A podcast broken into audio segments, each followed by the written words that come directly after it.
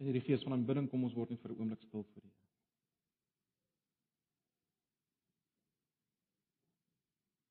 Here baie dankie dat ons U lof nou kon besing. En nou wil ons vra dat U vir ons sal help as ons gaan besig wees met U woord om help ons om reg te dink oor U. Help ons om reg te dink oor onsself en oor gebed. Ja Here, oor dit waarmee ons besig is. Asseblief, help ons. U ken ons swakheid, U ken my eie swakheid vanoggend.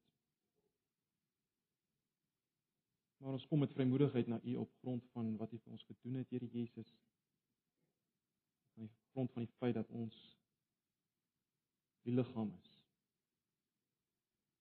vir U vir wie U 'n volkomme prys betaal het. Ons kom met vrymoedigheid en vra dat U met ons sal werk en sal praat in hierdie oggend. In Jesus se naam. Amen.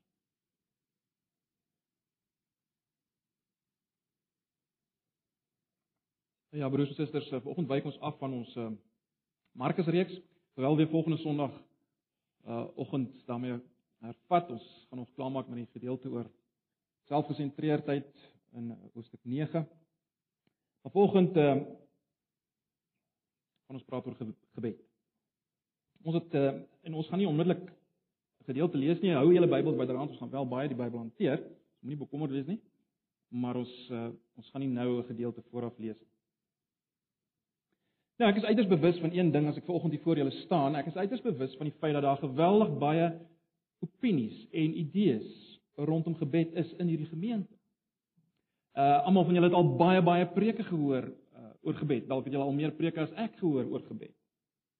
En tog is dit so dat as ons eerlik moet wees vanoggend, regtig lekker eerlik moet wees mekaar, is 'n bitter min van ons wat hier sit wat 1 uur op 'n dag bid sal dit liewers nie trek na 'n week toe nie. Wat 1 uur op 'n dag werklik bid. Ek meen ons kom net eenvoudig by alle ander dinge uit. Uh, Daar's net altyd iets anders wat meer belangrik is in ons dagprogram as gebed, is dit nie? En uh dit maak dat ons altyd met so 'n halwe skuldgevoel leef en dan word ons weer 'n bietjie aangemoedig uh om te bid en bid ons 'n bietjie meer. En dis dit. En ek wil volgens die vraag vra, hoekom die gesukkel met gebed? Nou ek weet daar's baie antwoorde, verseker. Daar's baie antwoorde en ons het al van die antwoorde hier gegee, maar ek dink tog dat die groot rede is dat alhoewel ons weet, ons almal wat hier sit weet gebed is goed. Gebed is reg. Ons weet 'n Christen behoort te bid, maar ten spyte daarvan luister mooi, is ons nie oortuig van die deurslaggewendheid van gebed Ons is nie oortuig ons is besig met iets werkliks nie. Met realiteit, né? Nee. En daarom onbewustelik voel ons almal, "Yes, as ons nie besig om 'n bietjie tyd te mors as ons te veel tyd aan gebed afstaan nie." Daarom kry ander dinge, dinge altyd die voorrang. En as gevolg hiervan is is gebed vir baie mense amper soos soos daai badkamerfiets wat jy op 'n stadium gekoop het. Uh ander mense het vir jou gesê van hoe wonderlik werk hierdie goed en jy het die badkamerfiets gekoop Maar nou het dit 'n wit olifant geword. Uh want jy is nie regtig oortuig die ding werk nie. Nou kom jy net daarby uit nie. Jy jy jy sê vir ander ons vertel van hoe wonderlik hierdie ding is. Maar jy kom self naby uit. Jy weet dit is 'n goeie ding. Maar jy kom nie naby uit. Nou broers en susters, ek wil vanoggend probeer om om gebed binne die die groter raamwerk van die Bybel te plaas en ek wil hê ons moet bietjie waarskynlik bietjie anders dink oor gebed. Uh, ons kan nie volgens alles sê wat kan gesê word oor gebed nie, uh, hoor my mooi. Uh, maar ek wil hê ons moet bietjie anders dink oor gebed as wat ons gewoonlik dink. Ek hoop ook ek hoop ek kan dit bietjie uitlig in 'n groter perspektief en en dat hierdie groter perspektief gaan veroorsaak nie net dat ons meer bid nie, maar dat ons ook anders gaan bid. Dis regtig my gebed. So vanoggend, soos ek alreeds sê, ons gaan nie na een gedeelte kyk nie. Ehm um, as jy wil ons is besig met 'n onderwerp spreek. Ek wil hê ons moet 'n bietjie meer, kom ons noem dit Bybels teologies uh nadink oor gebed. En daarom gaan ek na verskillende gedeeltes kyk. Ek gaan die hele onderwerp hanteer aan die hand van 'n paar uh stellings wat ek wat ek wil maak. En hier is 'n paar stellings.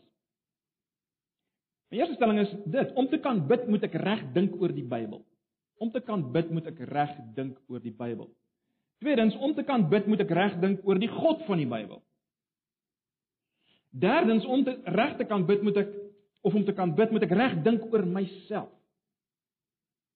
En vierdens, om te kan bid moet ek verstaan wat gebed ten diepste is. En dan laastens, om te kan bid moet ek weet gebed werk altyd. Gebed, let op my woorde, gebed werk altyd. So, in die eerste plek om te kan bid moet ek reg dink oor die Bybel. Wat is die Bybel?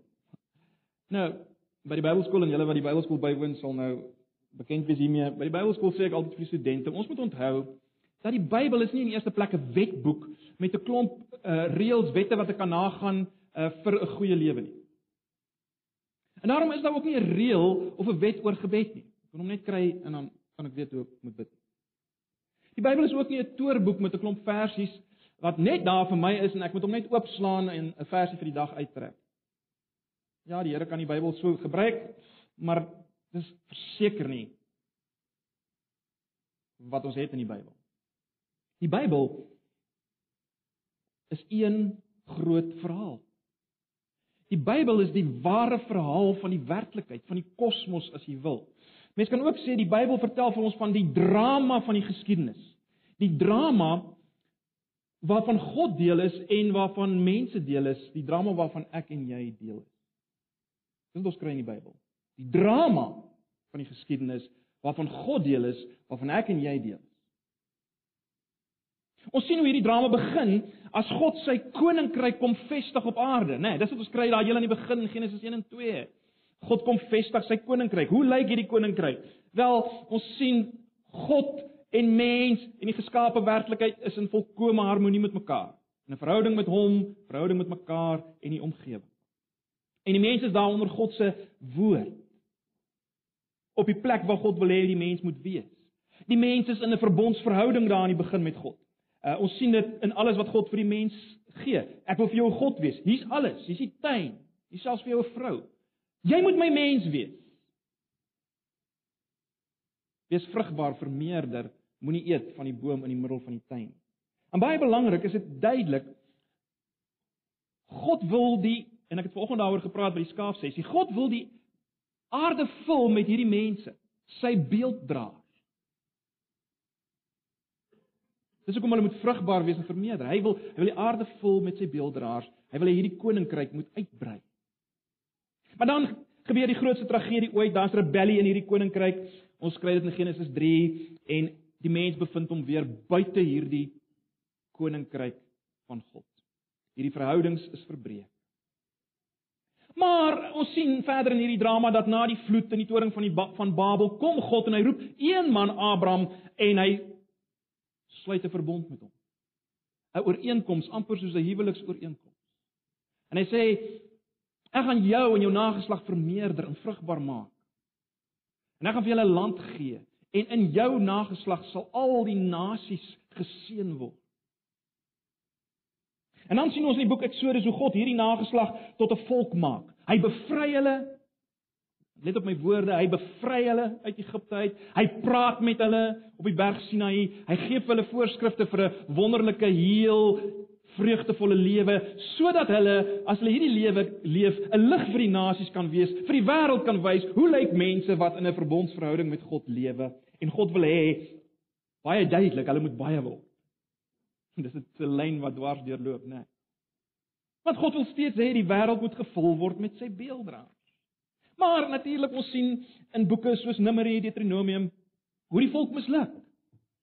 Uh hulle is heeltyd ongehoorsaam en hulle mor en hulle murmureer teen God en God wis hulle byna uit. Maar uiteindelik bring God hulle deur Josua in die land in die plek wat hy beloof het. Maar kom ons by die boek Rigters en ons sien weer eens doen elkeen wat reg is in sy eie oë, dis is 'n regtige toestand. Maar tog gaan God voort met hierdie volk.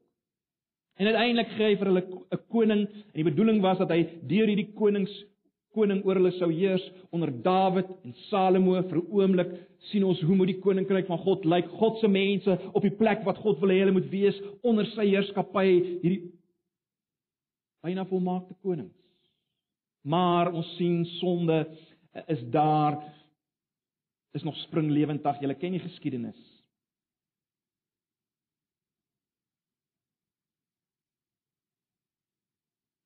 In hierdie tyd natuurlik belangrik, ek moet dit net noem, uh, word die tabernakel as God se woonplek vervang met 'n vaste plek, die tempel. God sou nou woon onder sy mense. Maar soos ek sê, daar's geweldige mislukking. Onder die later konings, die later konings gaan dit nog erger. Uh dink maar net aan die tyd onder Agab waar die volk byna byna in geheel Baal begin aanbid. En so gaan dit aan, dan beter dan slegter. Uiteindelik uh word hulle in ballingskap weggedryf. Hulle is weer uit God se plek uit. Daar's wel 'n terugkeer onder Esdra en Nehemia, maar uh, dis 'n teleurstelling. Wat te midde van die teleurstelling is daar beloftes in Jesaja, Jeremia en Jesegiel van 'n beter tyd wat gaan kom. Wanneer God sy koninkryk weer gaan vestig en en en hy sy gees gaan gee om harte nuut te maak en en dan's daar aanduidings dat al die nasies sal daarby baat. Uh, al al die nasies sal baat by dit wat hierdie sogenaamde knegg van Jesaja sal doen. En dan kom hy. Dan kom hy. Die finale koning, Jesus. En wat is sy eerste boodskap? Ons het gesien. Die koninkryk van God het naby gekom. Bekeer julle en glo die goeie nuus. Dis nou weer moontlik om God se mense onder sy heerskappy te wees op die plek wat hy wil hê. Hierdie verhoudings is weer moontlik wat aan die begin daar was. Jesus kom tabernakel onder die mense, Johannes 1. Waar hy is is God. Hy's God onder die mense en hy kom genees en hy verdryf duiwels en hy kom leer mense oor hierdie koninkryk. Nadat hy die lewe geleef het wat Israel en ek en jy nie kon leef nie, word hy gekruisig. Die hoogtepunt sekerlik van hierdie drama. Want daar handel God dan radikaal met sonde. En as gevolg van Jesus kan God nou dit wat as gevolg van dit wat Jesus doen, kan God nou dit wat Jesus was, die volkomme bondgenoot van God. Dit kan God oordra op mense, soos ek en jy.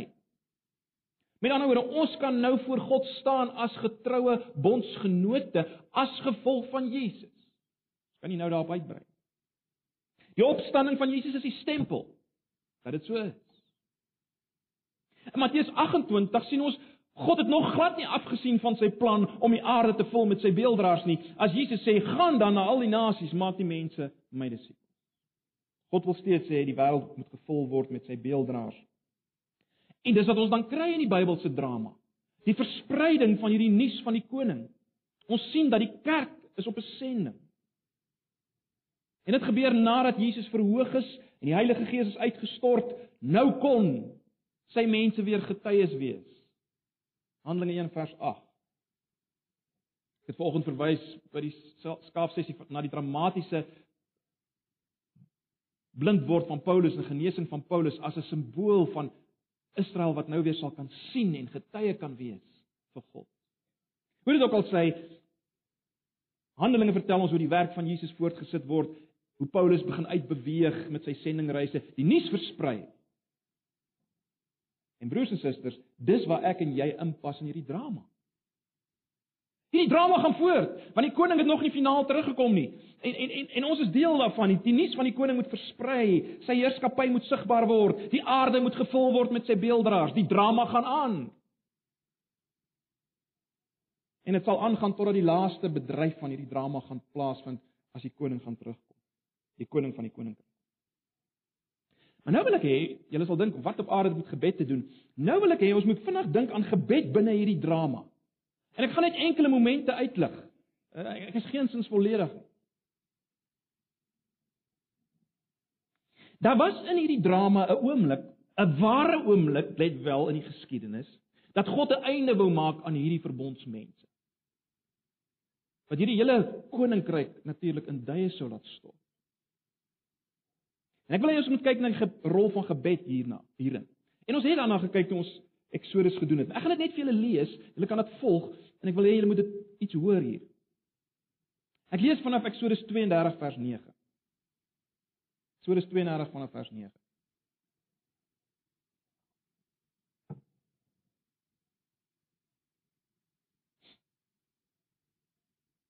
Verder het die Here vir Moses gesê: "Ek het gesien dat dit 'n opstandige volk is hierdie. Moet my nie probeer keer nie. Ek is toornig op my volk en ek wil hulle vernietig. Vir jou sal ek dan tot 'n groot nasie maak." Maar Moses het by die Here sy God gepleit en gesê: "Here, waarom is U toornig op hierdie volk vir wie U deur U groot mag en met kragtige dade uit Egipte bevry het? Waarom moet die Egiptenaars kan sê hy het die Israeliete bevry met die bose plan om hulle tussen die berge dood te maak en hulle heeltemal te vernietig? Laat die toorn bedaar en wees U volk genadig. Moet tog nie die ramp oor hulle laat kom nie." Dink aan wat U met 'n eed beloof het aan U dienaars, aan Abraham, Isak en Israel, toe U vir hulle gesê het: "Ek sal julle nageslag so baie maak soos die sterre aan die hemel. Julle landstreek wat ek beloof het, sal ek vir julle nageslag gee om vir altyd in besit te neem." Vers 14. Toe het die Here daarvan afgesien om die ramp waarvan hy gepraat het oor sy volk te bring. En net daarna in Hoofstuk 33 vanaf vers 13 kry ons die volgende. Dan sê Moses: "As U my dan goedgesind is, maak U wil bekend sodat ek U kan leer ken en kan doen wat U verwag. Onthou tog, hierdie nasie is U volk." Toe die Here gevra vers 14 van 33: "Moet ek self saamgaan en vir jou vrede gee?" Toe het Moses vir hom gesê: "As U nie self saamgaan nie, moet U ons nie van hier af laat wegtrek nie. Hoe sal die mense weet dat ek en U volk U goedgesindheid geniet as U nie saam met ons gaan nie?" Dis juist deurdat U met ons saamgaan dat ons, ek en die volk, anders is as al die ander volke op die aarde. En dan vers 17 van Hoofstuk 33. Die Here het Moses geantwoord: "Ook wat jy nou gevra het, sal ek doen. Ek is goedgesind en ek ken jou op jou naam." God se permanente woonplek in die tempel onder sy volk as koning in die land was 'n dramatiese oomblik. Maar luister hoe's gebed deel daarvan. Ek lees vir julle van 2 Kronieke 6 vanaf vers 14. 2 Kronieke 6 vanaf vers 14. Dis die gebed van Salomo. Nee, jy moet luister, luister, luister. 2 Kronieke 6 vanaf vers 14. Here, God van Israel, vers 14. In die hemel of op die aarde is daar nie nog 'n God soos U nie. U hou U aan die verbond en u bly getrou teenoor die dienaars wat met volle oorgawe vir u lewe. Vers 15: U het u gehou aan wat u u dienaar my vader Dawid beloof het. U het die belofte gemaak en en en dit is so soos dit vandag is deur u woord en die mag vervul. Vers 16: Here God van Israel, bly dan nou by wat u u dienaar my vader Dawid beloof het toe u gesê het: Ek sal sorg dat daar altyd iemand uit jou nageslag op die troon van Israel sal wees met jou nakommelinge let op hulle optrede en volgens my woord lewe soos jy gemaak het. Here God van Israel, laat die belofte wat U aan U dienaar Dawid gedoen het ook verder vas staan. Vers 18: Sou God werklik by die mense op aarde woon? Die hemel selfs, die hoogste hemel kan U nie bevat nie. Hoe dan nog hierdie tempel wat ek gebou het? Hoor tog, Here my God, die gebed van U dienaar. Hoor sy smeking. Luister na die hulpgroep, die gebed wat U dienaar tot U rig. En dan wil ek hê julle moet net kyk na hoofstuk 7 vers 1 toe hy klaar gebid het. Die gebed is 'n lang gebed. 2 Kronieke 7 vers 1. Toe Salomo klaar gebid het, het daar vuur uit die hemel gekom en die brandoffers en die ander diereoffers verteer en die magtige teenwoordigheid van die Here het die tempel gevul. Alleen maar self vanmiddag uh, die les van die gebed is is aangegryp. Daar was 'n tyd, ek het daarna verwys, onder koning Agab uh, toe die verbondsvolk op die punt was om Baal as god te aanvaar, die hele spul van hulle, of so dit gelyk. Luister hoe gebed hier 'n verskil maak. Ek verwys na die gebed van Elia. Kom ek lees 1 Konings 18 vanaf vers 36 vir julle. 1 Konings 18 vanaf vers 36.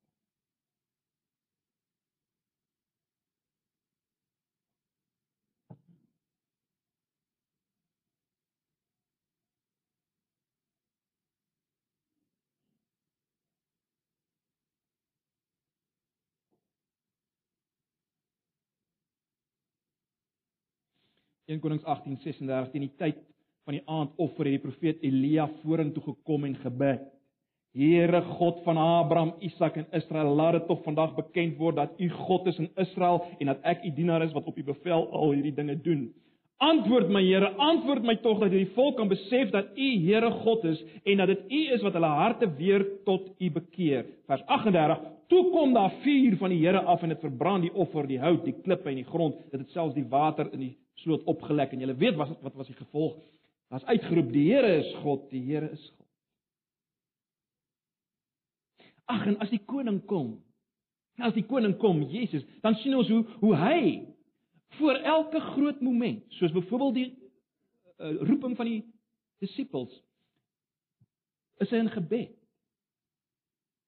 As daar 'n gevaar is dat hy 'n kort pad sal kies en 'n vinnige koningskap sal aanvaar soos die duiwel dit aanbied deur deur mense uh, wat hom ge, gewild wil maak en so meer, dan gaan bid hy. Ons het gesien in Markus. Ons het die tyd om vanoggend sy hoe priesterlike gebed in Johannes 17 te lees. Hy bid op op die op die ou en weer in Getsemane Getsemane in Lukas 22. En hier Jesus die koning kom leer sy volgelinge, sy disippels om te bid. Hoe klink dit? Hoe moet hulle bid? Hoe moet hulle gebed begin? Laat die koninkryk kom. Laat die naam verheerlik word, soos in die hemel, so ook op die aarde. voor die ontsaglike moment van die Heilige Gees se koms, die Heilige Gees wat die groot herstel gaan bring sodat mense weer sy getuies kan wees. Wat vind ons? Ons vind die 12 in die boekkamer. Wat doen hulle? Wel, verseker bid hulle. En en, en as 'n goeie kans dat hulle juist die gebed bid wat Jesus hulle geleer het. Laat u koninkryk kom. En julle ken die geskiedenis, die Heilige Gees kom. 'n Bietjie later, as die as die apostels besig is om die boodskap van die koninkryk te versprei. Dan dan word hulle vervolg op op op 'n wrede manier. Kom ons kyk na 'n gebed wat gebid is in Handelinge 4 vanaf vers 23. Handelinge 4 vanaf vers 23.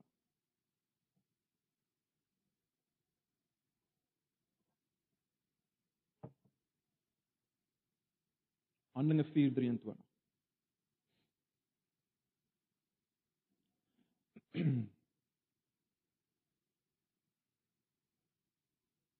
Nadat Petrus en Johannes losgelaat is, het hulle na die medegelowiges toe gegaan en vir hulle vertel wat die priesterhoofde en die familiehoofde alles vir hulle gesê het. Let nou net op na die volgende vers.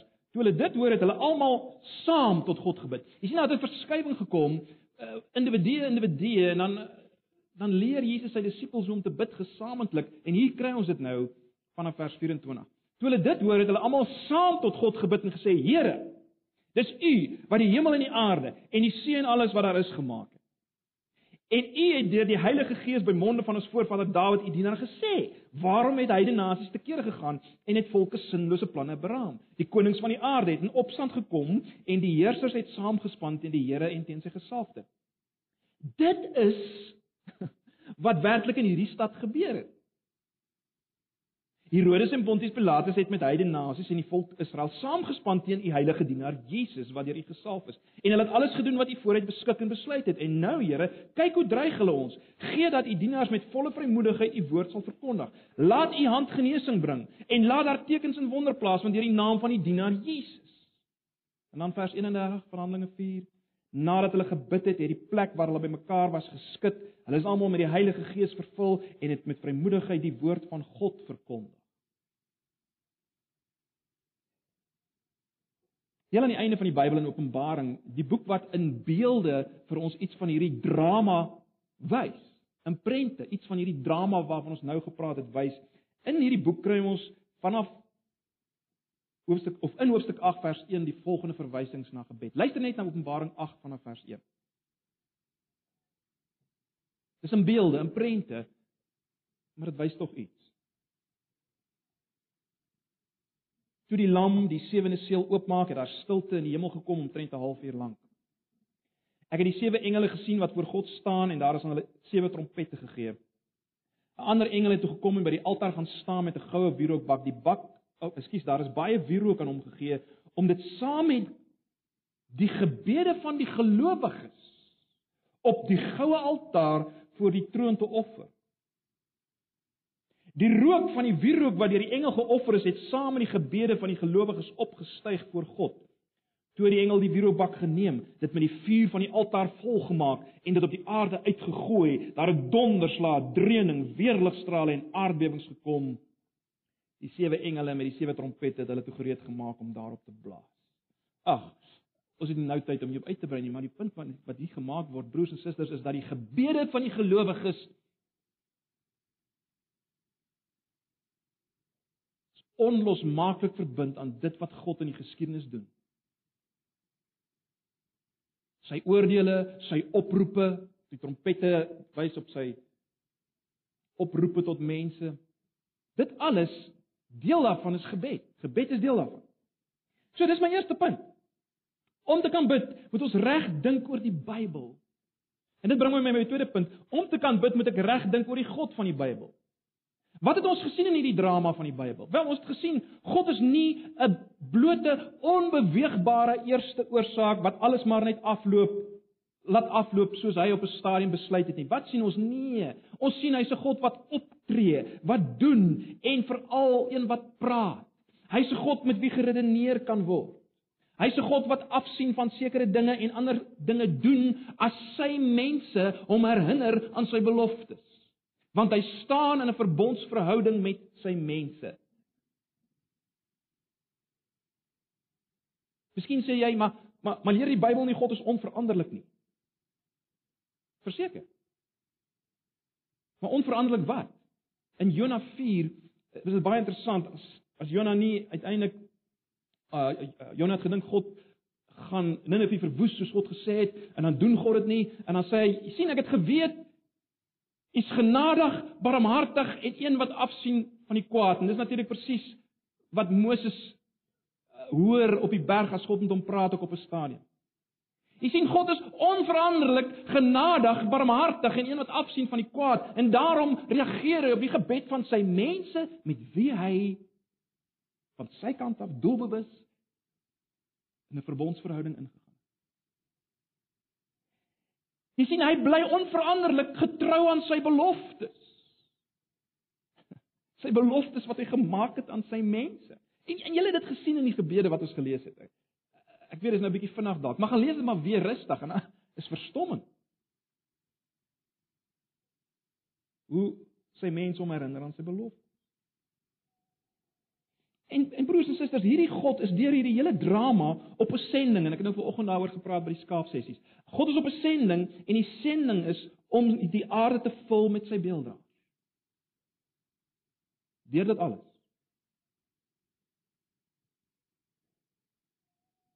En dan word om te kan bid moet ek weet hoe is God? Hoe is hy? Uh, en waarskynlik Ek vertrou almal van ons wat hier sit dink reg, maar uh, baie kere dink mense aan God as half ver, 'n soort van 'n eerste oorsaak. Dink Bybels oor God. Gaan lees die Bybel en kyk hoe's hierdie God.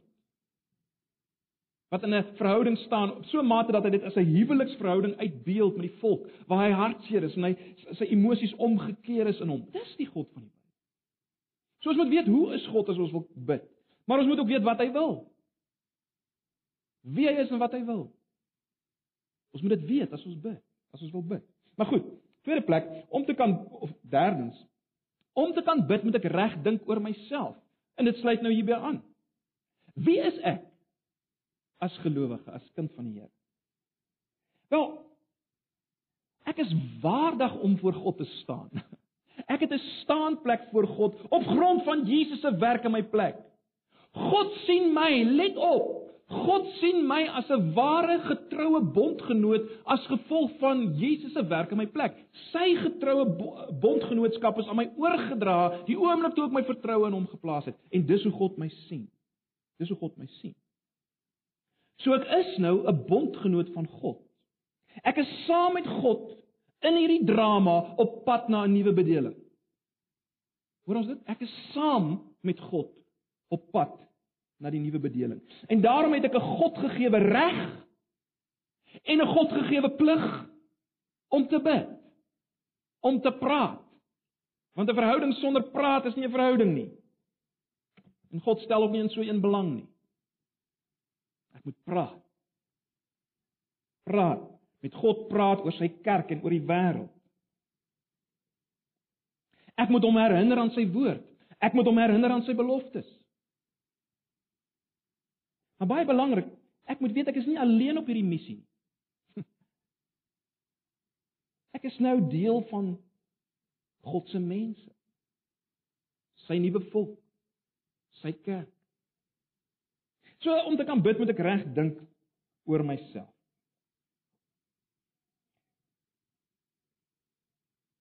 Punt nommer 4. Om te kan bid moet ek verstaan wat gebed ten diepste is. En en ek dink dit het nou uitgekom. Dit is nou duidelik geword. Broers en susters, gebed is om saam te dink en te praat met God oor sy doelwitte vir die wêreld. Gebed is dialoog as jy wil. Het julle dit gesien in die gebede wat ons gelees het? Het julle daai dialoog gesien? Het dit gesê? Dis gebed. Dis om met God te redeneer. Dis baie interessant. In Jesaja 1 vers 18 in ons vertalings, die 83 vertaling lees ons en dan staan daar: "Kom tog, laat ons die saak met mekaar uitmaak," sê die Here. Nou die Engels en en al die Engelse vertalings terloops vertaal dit so en ek dink hulle die die gedagte word die beste daar vasgevang van die Hebreëus. Die Engelse vertaling van Jesaja 1 vers 18 klink so: "Come now, let us reason together," said the Lord. Says the Lord. Kom ons redeneer saam. Die Here wil saam met ons redeneer. En daarom broers en susters, met alle respek gesê, kan ons God as te ware, julle moet my reg hoor, in 'n hoek dryf. Soos Moses God in 'n hoek gedryf het, maar ons argumente is nou die werk van Jesus. Ons herinner hom daaraan. En dan oor ons kan kyk na die toestand rondom ons en sê, Here Jesus, laat u koninkryk kom in Queenswood. U het die volkomme werk gedoen. Kyk hoe lyk dit? Mense eer U nie. Doen iets daaraan, Here. Ons kan so bid, ons moet so bid. My waarheid te sê, Jesus wys in sy gelykenisse van die weduwee en die regter dat ons moet aanhou daarmee. Ons moet as te ware 'n oorlas maak van ons daar. Ons moet amper 'n oorlas van onsself maak deur hierdie tipe van gebed. Dis wat Jesus leer. Gaan lees dit maar weer as jy as jy dink ek is nou snaaks of iets. Dis wat Jesus leer. Wees soos die onbeskaamde vriend, wees soos die weduwee wat aangehou en aangehou en aangehou het. Baie belangrik, het julle die die funksie van die woord en alles gesien? Hoe vind hierdie dialoog plaas nou? Deur die skrif te bid. Het julle dit gesien in Handelinge 4? Hoe die dialoog plaasvind? Hulle het nie gebid en dan kom daar 'n stem uit die hemel nie. Hulle het gebid en gesê: "U het gesê" en dan redeneer hulle. Jy sien ons weet dit uit uit Hebreërs 1. Die laaste dae het God gepraat deur Jesus. Ons het dit wat hy sê. Ons kan in dialoog met hom gaan, maar hoe doen ons dit prakties? Broers en susters, deur die woord te bid. Deur die woord te bid en dan in dan in gesprek te gaan met dit wat daar staan. Dit lyk vir my dis gebed, is dit nie? Gaan lees weer daai gebede. Ag, dit bring my by my laaste punt. Om te kan bid moet ek weet gebed werk altyd. Wat bedoel ek daarmee?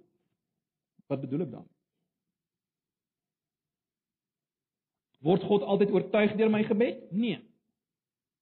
Ons nou gedeeltes gesien in die Bybel waar God wel oortuig is, soos in die gebed eh, wat ons aangehaal het eh, met Moses, maar daar's kere wat hy nie oortuig is nie. Byvoorbeeld in Deuteronomium 3 vers 26. Daar sê die Here vir Moses: "Jy het nou al genoeg daaroor gepraat. Moenie weer met my oor hierdie saak praat nie. Ek het klaar besluit daaroor." So God word nie altyd oortuig nie. Dis nie wat ek bedoel. Maar broers en susters, gebed werk altyd omrede gebed 'n uitdrukking van geloof is. Aan die einde van daai gelykenis in Lukas 18 van die uh, van die uh, weduwee en regter dan sê Jesus nadat hy nou gesê het hoe hoe sy aangehou het dan sê hy maar maar maar maar sal die seun van die mens nog geloof op aarde vind as hy kom. Vir implikasie, hierdie tipe geloof wat gesien word in hierdie gebed.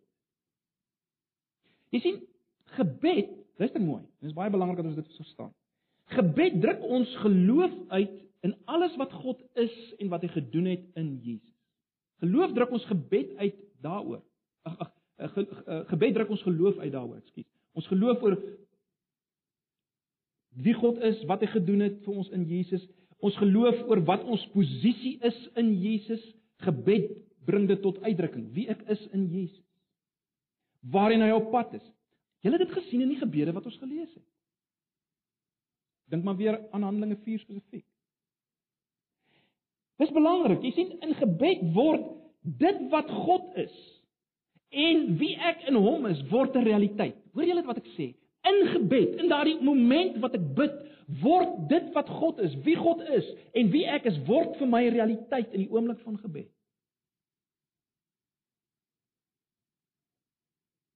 Ek begin dit as te ware beleef en daarom verander dit my. Dit verander my, soos ek dit as te ware hoor as ek dit bid. En ek word al meer soos Jesus. Baie interessant. C.S. Lewis luister 'n bietjie na sy opmerkings oor gebed. Lewis sê die volgende, hy sê it is only through prayer that we become aware of our true selves beneath beneath the mask I called me. Now the moment of prayer is for me the awareness, the reawakening awareness that this real world, dit wat ek nou hier rondom my sien, and real self are very far from being rock bottom realities. Met ander woorde, ek sien deur hierdie wêreld en hierdie self hier en ek ek begin by die realiteit, regte realiteite uitkom. Dis wat Loos sê. Hy gaan aan, hy sê op 'n ander plek To pray our Father, die onsse Vader, is to begin to let a new imagination shape our sense of self. To call God our Father is, sê Loos, to dress up as Christ. Jy sien, die oomblik as jy sê ons Vader, dan beklee jy jou as te ware self met Christus. But this dressing up is no play acting nor does it have anything to do with hypocrisy. For doctrine directs us to participate in the theodrama. Hy noem dit 'n theodrama, baie interessant. Uh, dis nie waar ek dit gekry het my gedagte van drama nie, hoor. Maar maar Loos noem hierdie wêreld the theo. Theo staan vir God, die God drama. Ek sê weer, for doctrine directs us to participate, deel te neem in the theodrama precisely by clothing oneself with the new self Colossense 3 vers 10 and putting on the Lord Jesus Christ Romeine 13 vers 14 Such imagining is no pretense it is rather a perception of what is eschatologically really the case. Is dit nie aangrypend? Sien julle wat gebeur as ek bid Daar gebeur iets. Net 'n laaste opmerking van Loos. Very often the only way to get a quality in reality is to start behaving as if you had it already. En broers en susters, dis Bybelse denke, hoor. Ons volg nie loos en alles nie, maar hier hierin kan ons hom regtig maar volg. Jy sien daar gebeur altyd iets in gebed. Ek word verander deur hierdie dialoog. Maar dan is dit belangrik dat ek nie 'n inkopieslys bid nie, Gee tog, gee tog, gee tog. By die woord. Wie God is, wie ek is in hom. Nou gebeur iets. Ek word verander. Net 'n laaste opmerking oor hoe gebed mens verander. Ek dink bietjie aan die gebed van Jesus in die in die in Getsemane. Wat oënskynlik nie verander is nie. Daai gebed waar hy sê Vader, as dit moontlik is, laat hierdie beker by my verbygaan, nogtans nie soos ek wil nie, maar soos U wil. Nou Jesus het geweet wat God se wil is vir hom. Hy het geweet wat God se plan is. Maar in sy menslikheid het hy vir 'n oomblik gevra, gepleit dat kan hierdie lyding nie verminder word. Maar hy berus hom steeds in die plan wat baie duidelik is waarvoor hy gekom het. Wat God geopenbaar het aan hom.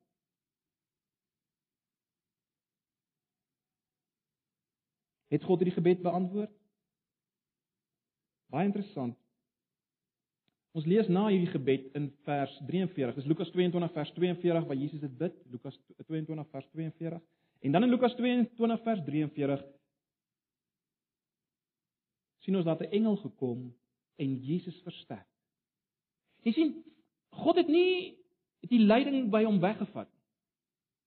Maar God het die gebed beantwoord. God het vir Jesus in sy lyding 'n bewustheid gegee van sy teenwoordigheid, 'n bewustheid gegee dat hy saam met hom is in hierdie groot plan.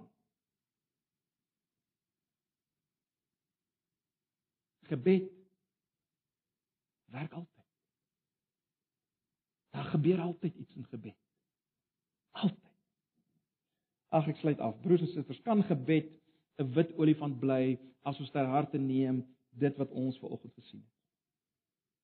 Besef ek en jy ver oggend dat die koninkryk van God nie kan of sal kom sonder ons gebede nie.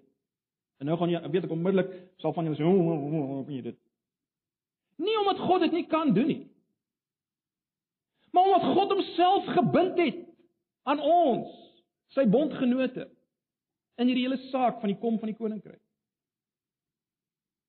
So dis die eerste ding wat ons moet besef.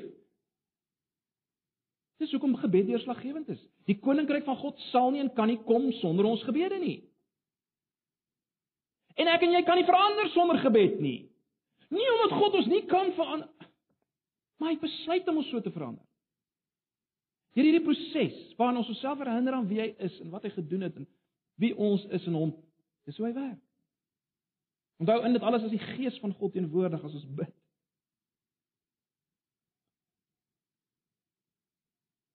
Ons moet saam praat, ons moet saam dink. Verseker ook saam doen met God. Ons kan nie nou daaroor praat nie, dis 'n onderwerp vir 'n ander dag miskien. Maar ons moet saam praat en saam dink met God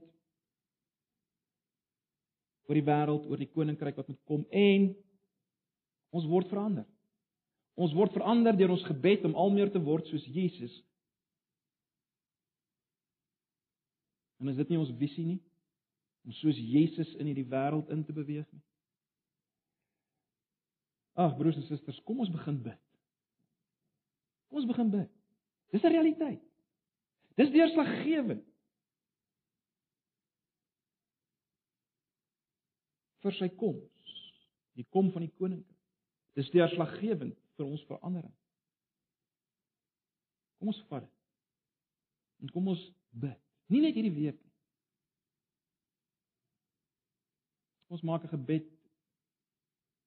'n absolute integrale deel. Kom ons besef kan nie sonder. As gemeente kan ons nie sonder. Ons mag nie sonder. Mag die Here ons daarin help.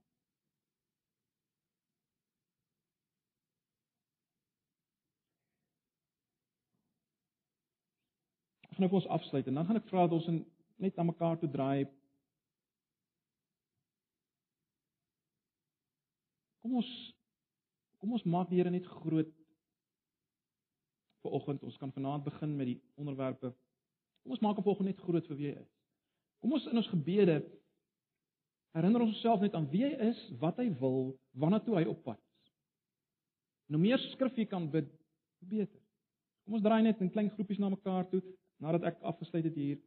Ehm um, en ons bid vir oomblik en dan sal ek net weer vir ons afsluit. Ag Here, ons dankie vir u woord vanoggend. Dankie vir dit wat ons nou kon hoor. En ons wil net vra, Here, kom en beweeg ons deur die werking van u Gees tot gebed. Bybelse gebed. Asseblief. Ons vra dit in Jesus se naam. Amen. Goed, kom ons draai en ons eh, kom ons gee gebed. As ek reg as ek sê dit is nou so 10 oor 11 min of meer. Wel, kom ons bid ten minste tot 20 oor. Dis net 10 minute.